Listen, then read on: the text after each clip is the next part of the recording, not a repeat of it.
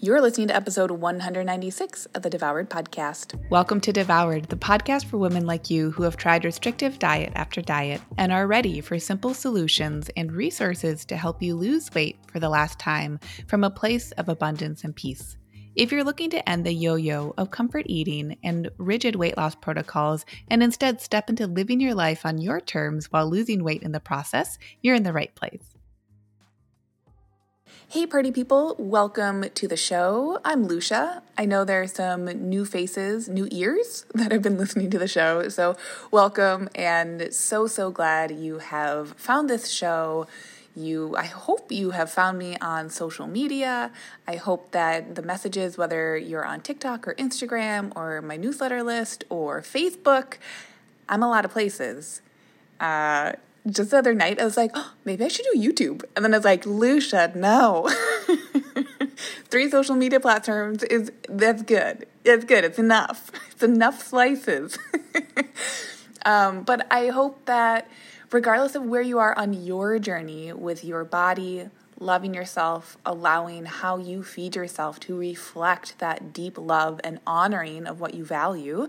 I hope that regardless of where you have landed with these messages, I hope they've been supporting you. And I was thinking about what I could add to the show and of course, if you've been here for a while, you know that I often assign like little bits of homework, things for you to think about throughout the week to give a go, concepts, ideas, practices and if you have seen for a while my work, especially on social media, right? Like honestly, how I market my program is that I try to be incredibly transparent about what we do in the program using the food journal. What does the food journal look like?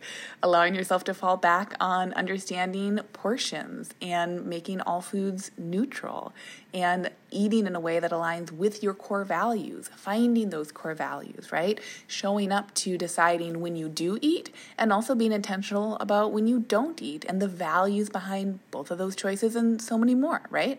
So, in an effort to always be like transparent, I was thinking about this episode and I was like, well, I could just talk at them again. Or I could actually show you all one of the techniques that I use with my clients. Now, I don't use it with every single client, but it is a guided experience that often I think a lot of people enjoy using. They enjoy this experience because um, it helps to bridge not only that analytical, logical side of the brain, which is the side that really loves diets, but it bridges that like kind of overly used analytical logic it's like that strong side of our brain right? Like we, how many of us have tried to like overly analyze what we eat and how far has that gotten us? It then bridges that analysis into actually feeling something in your body and allowing yourself to tap into the intuition and the strength of the right side of your brain, which is your emotional creative side of your brain. So, this process is a process of taking ownership. I did not develop this, this was developed by a lovely person named Michael C. Hall. And I wanted to share this with you. So, um, I'm gonna it's gonna be a guided process. You'll see it's super accessible and it's something that you can carry with yourself and dip into anytime you want. Um, this is not a hip hypnosis at all, but I would encourage you that if you're driving or you're walking or you're listening to the show while you're doing other things, you can listen, but I wouldn't try to take ownership and like do the practice while you're doing other things. So don't multitask. That's my disclaimer. Don't drive and try to engage in this. Um, allow yourself to be in a quiet space. Allow yourself to give yourself some time and take ownership from the inside out. Now, this will be a little bit different than how I guide clients because when I'm one on one live with a client, I can check in with them. We can take our time with this process. We can, you know, I can like kind of check the ownership embodiment and see how it's going. So, again, allow yourself to take this and use it to support yourself. And the reason it is so incredibly important to take ownership from the inside out, so from an embodied place, is this. when you start to feel what it feels like to feel ownership, when you tap into that feeling, that feeling then allows you from a body first place to remember oh, I have ownership over the things I do in my life. I have ownership over the thoughts I think. I have ownership. I claim ownership. It's from it's nat it's the most natural thing for me to have ownership over the words that I say. So it's this beautiful process that I think for some people, right, who are just coming from like, just tell me what to eat, it can be like, well, how is this connected? But once you start to play around with concepts like this, you start to see that, oh my gosh, of course, turning the volume up on my experienced ownership in my life, how I believe and I feel ownership in my life, of course, that translates into my food choices because those are actions, into the things I believe about my foods that nourish me, those are my thoughts, into the ways that I talk about myself around food, those are my words, okay? So, we're going to now move over into this practice of taking ownership, okay? So, go ahead, pause this if you need to, but take a minute to find a quiet spot. You can be sitting down and this process is going to help you build a strong state of ownership. So, to begin, I'd like for you to sit up straight and relax. You're going to take a deep breath in and let it go. And then you can bring your attention fully to the sound of my voice. So you can be present with what we're doing here and let all the sounds around you just drop into the distance. The first thing I'd like for you to do is to think of something small and simple that you feel is absolutely 100% yours. It's just a simple, this is mine. So, this could be your phone, a pen, your toothbrush, a piece of jewelry, or your hand. Pick something and anything you feel is 100% yours, no question about it. And then I'd like for you to say out loud, saying the object that you've chosen, my phone is mine. My hand is mine. So go ahead and say it out loud whatever you chose for an object. I want you to say, This is mine.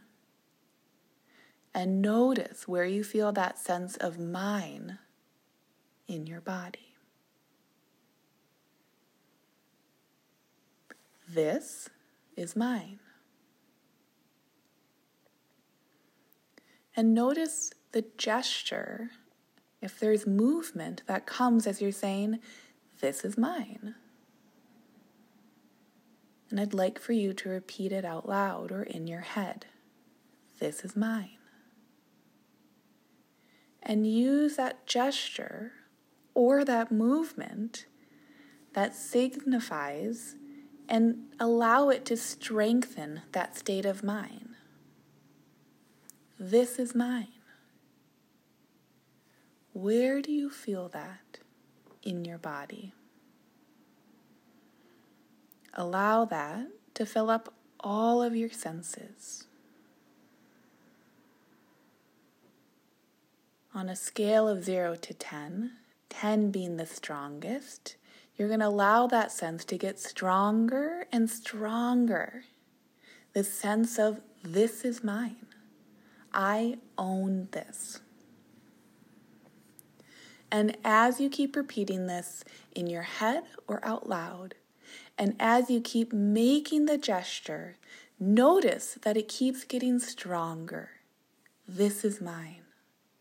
And stronger and stronger. This sense of this is mine. And it's kind of like a natural mine. There's no question about it. You don't need to defend it. You don't need to fight it. It's naturally mine. Okay. As this settles, I'd like for you to take a snapshot of this state. Where do you feel it? Where does it settle in your body? What is that gesture that makes it really strong? This natural state of mind. And maybe maybe you can attach a color to it or a symbol, something that you visualize in your mind's eye so that you can easily access this whenever you want and whenever you need. And it's this feeling of ownership that you can use over your most precious gifts your power of thinking, your power of feeling, your power of taking actions and your power of speaking the words that you speak. But for now, I'd like for you to take a snapshot of this ownership.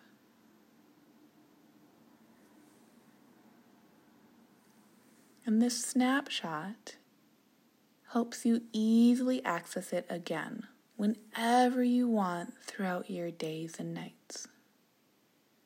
Okay.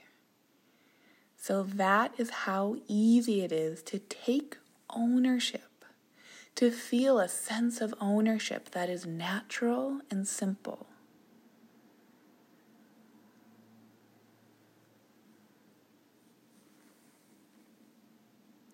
So I hope that that was a lovely experience for you.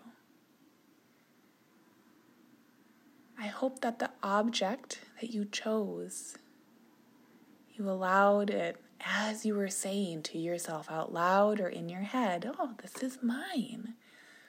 I hope that you were able to feel through that process that we can say, this is mine. But when we allow it to come from the inside out, of saying, oh, I have this reference of this thing that is mine, my hand, maybe a ring, a shawl, a blanket of mine, whatever your object was. I want you to remember because so often we don't feel ownership over our bodies, we don't feel ownership over a weight loss process, a weight maintenance, a weight gain process. How many times in our lives do we feel like, oh, I don't like I don't feel like I, I feel a little passive here, right? Things are just happening to me. I don't know why I make the choices I make. I don't think I can change my thoughts. I don't believe I could do the things that I think I need to do in order to get the things that I want. You know what I'm saying? So to be able to release away from, oh, I just need to get motivated, or oh, I just need to be better, and then I'll do the thing. I want you to notice, oh, through this process of embodied ownership, I already know what it's like to take ownership. I've already have at least one object, whether it's my hand or something else, that I experience this ownership over. Because I have this reference, I now get to play with that. I can invite that feeling of ownership into my life, into my day to day. And I can start to show myself, of course, I have ownership over the thoughts I think and the actions I take. Of course, my feelings are mine. I can claim them. They're my responsibility. Of course, the words that I say to others, that I write down, that I say to myself, of course, those are coming from me. So, of course, I own them. they are mine. I really want you to allow yourself to do that practice as many times as you would like and to simply play with it. All too often, I know people want to get things right on the first try. It's a really common thinking pattern. it ties into some perfectionism and all or nothing thinking, and those are fine once we start to recognize that those might be default habits. But guess what? Once we start to recognize our defaults and we feel safe taking responsibility, taking ownership, that, my friends, is the pivot point in which it's no longer about motivation and willpower. No, instead, you start to see oh, motivation, willpower, of course, can't be relied on because they aren't actually what's generating me thinking my thoughts, taking my actions, and feeling my feelings. I do. I own that. So I hope you enjoyed that practice today.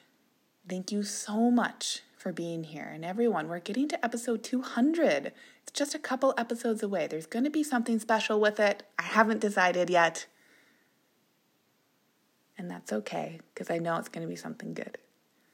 So thank you so much for being here. As always, I'm always here in the DMs, via email, on the social media platforms to help support you.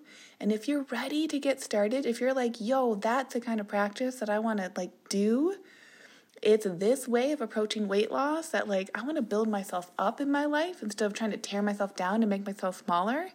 Let me know and let's get you in lean and liberated. If you're a woman who's looking to lose 20 or more pounds, this is the program for you. so tell me because enrollment is open. And I'd love to have you join. I would love to support you. And I'd love to at least get you more information so that you can make a really sound and supportive decision for yourself. So until next week, my friends, bye. Did you know you can find more support from me on my website? Go to Lucia Hawley, L U C I A H A W L E Y dot com to connect.